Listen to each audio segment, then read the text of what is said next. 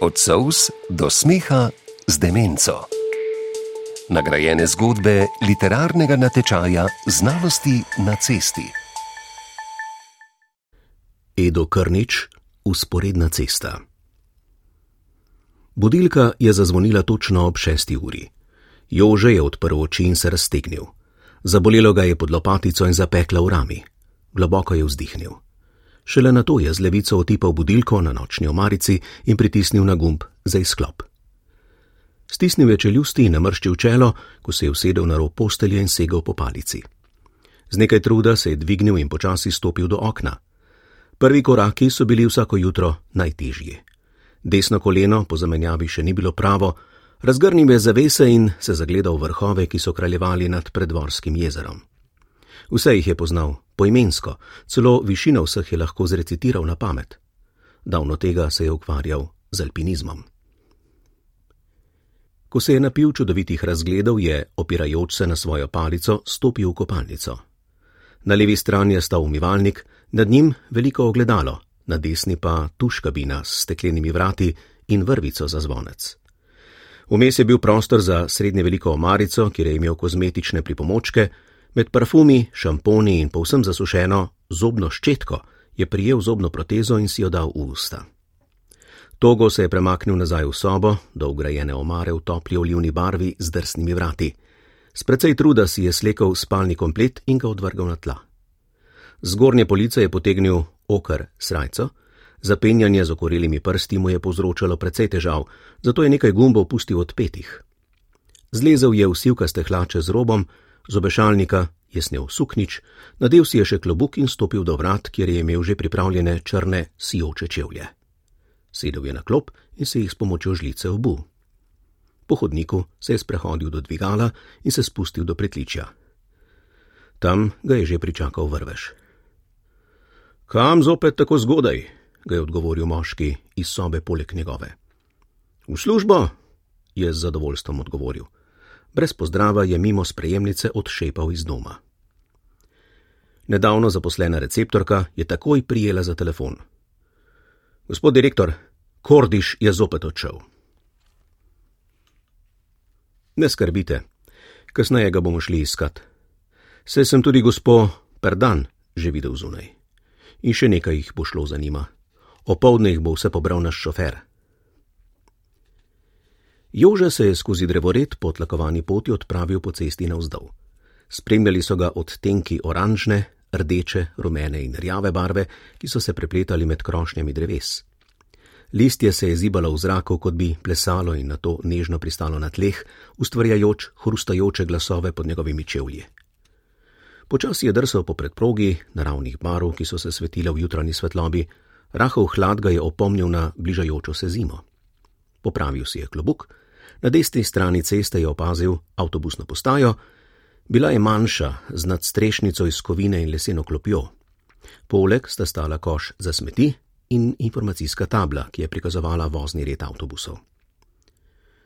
Dobr dan, lahko prisedem, držal se je svoje običajne obljudnosti. Seveda, kar dajte, stanka sem. Oblečena je bila v krilo, ki je segalo do sredine meč, narejeno iz bombaža in pa plašč živo rdeče barve. Obuta je imela škornje, okoli vratu je visel črn šal, na rokah pa je nosila rokavice iz usnja. Že dolgo čakate? jo je povprašal in se prijel za vrh klobuka. Ja, kar precej časa že, je odvrnila. Na rojstni dan grem, hčeri, je nadaljevala. Ravno se je poročila, veste, pa mi njen mož ni všeč. A da? Sam grem pa v službo. Se mi precej mudi, učitelj sem, telovadbe, osnovna šola. O, lepo, moja Maja pa ni zadovoljna, verjetno, ker njen mož preveč pije. Ona sicer nič ne pove, ampak sama vidim. Vsakič odpre kako pivo. Težko je s temi otroki, vam pravim, jo je prekinil, da naša mladina sploh noče telovaditi. Ko smo bili mi, toliko stari, je bilo povsem drugače. Na zdravljenje bi moral, to sem Maji večkrat povedala, ampak ne, ona ne prizna. Če bi bil Miro še živ, kdo je Miro? Jože je pogledal proti njej in si bo pravil klobuk. Kako, kdo je Miro? Ja, moj mož, kdo pa? On bi udaril po mizi, pa je umrl, veste. Umrl je, ja, umrl je, on, on, bi, on bi udaril. Nogomet bomo danes igrali. To je še edina stvar, za katero jih lahko pripravim. Tudi sam igram z njimi, vsakeč dam kak gol. Še vedno ne vem, kaj bi kupila Maji. Se vse ima, ta današnja mladina. Nekaj časa sta sedela v tišini, se zopet pogovarjala, zdaj eden, zdaj drugi je pogledoval na vozni red. Ura je bila že skoraj povdne, ko je pripeljal kombi. Iz njega je stopil mladenič, nasmejan, skuštranih las. Končno, je vzdihnil Jože. Joj, sva se načakala, je pripomnila Stanka. Veste, jima je odgovoril šofer, avtobusa ne bo danes. Zapeljal je bom nazaj do doma, tam boste dobila kavo in nekaj keksov. Na to pa vaju, če bo treba odpeljem, kamor boste želela.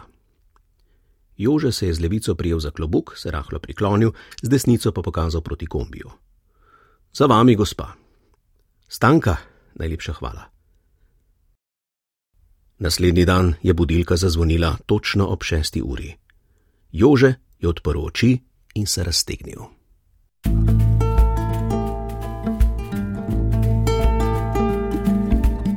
Poslušali ste prvo nagrajeno zgodbo literarnega natečaja Od sous do smeha z demenco. Vsaka zgodba odpira tudi vrsto strokovno-poučnih istočnic, o katerih se Mojca Delač pogovarja z dr. Zdenko Čebašek Travnik, psihiatrinjo in članico strokovnega sveta spominčice Alzheimer Slovenija. Zdaj le bomo torej zgodbi dodali še eno usporedno cesto. Lahko se strinjava, da ima ta zgodba, ki smo jo poslušali, um, nekaj tudi humornih elementov, da se človek vsaj malo namuzne, ko jo posluša. Ja, res je, lep pozdrav poslušalcem. Ko govorimo o demenciji, dosti krat pomislimo na težave, ki nastopajo v zvezi s to motnjo, boleznijo. Vendar pa moramo biti pozorni tudi na tiste, bom rekla, bolj svetle trenutke, ki marsikomu olajšajo dan. In kar je še posebej zanimivo, celo v nekatere ustanove ali sisteme se lahko vgradijo neke varovalke, ki za nas zunanje delujejo komično, smešno, eh, so pa v resnici zelo prijazni do uporabnikov. In tako spoznamo zgodbo nekoga, ki mu je ime Jože in za katerega se zdi, da je jutro ena sama rutina. Res je. Um, osebe z demenco dolgo obdržijo to jutranjo rutino in občutek, da morajo iti v službo, se nekam odpravljati in je to nekaj, kar opazimo in kar je v nekem nesorazmerju s tistim, kar se potem dogaja čez dan. Ampak zobna pasta je pa zasušena na ščetki. Ja, to zunanji opazovalec hitro opazi, namreč kasneje prizgojene neke higijenske navade tudi izginejo in jih moramo pri osebah z demenco aktivno spodbujati, zasledovati, upominjati. In taka zasušena zobna ščetka je pač en tak zunanji znak, da je gospod to navado higijensko vsaj začasno opustil. Ampak gospod Jože se je v tem svojem svetu odpravil v službo. Tako.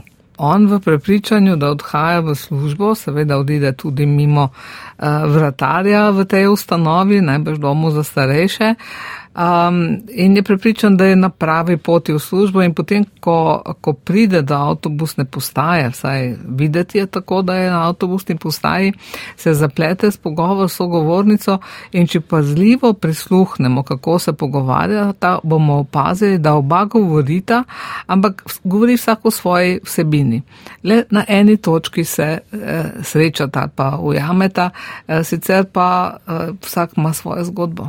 Tudi vsi ostali, ki so prišli v stik z njima, pa so bili izjemno prijazni, priljudni in uljudni do njiju. Res je in to je ena odlika dobrih ustanov. Torej, če se um, te osebe znajdejo pač v enem domu, kjer skrbijo za njih, je zelo pomembno, kako se do njih vede. Vedejo tam zaposleni.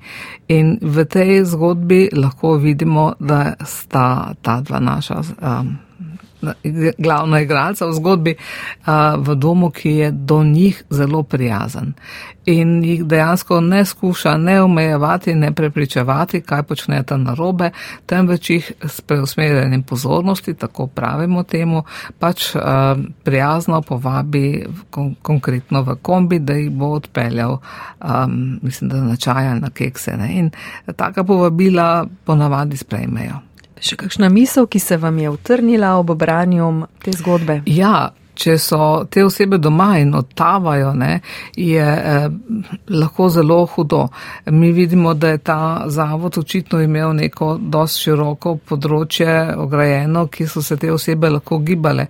Ampak, če bi ta isti gospod odšel od doma, um, pa bi se lahko zgubil. Ne? In zato je pomembno tukaj upozoriti eh, na dejstvo, da se osebe z demenco lahko izgubijo, odtavajo in da je zelo pomembno, da imajo pri sebi telefon in pa neki identifikacijski dokument, s pomočjo katerega lahko potem nekdo, ki jih najde ali pa na koga se obrne po pomoč, dejansko tudi poišče pomoč ali pa svojce.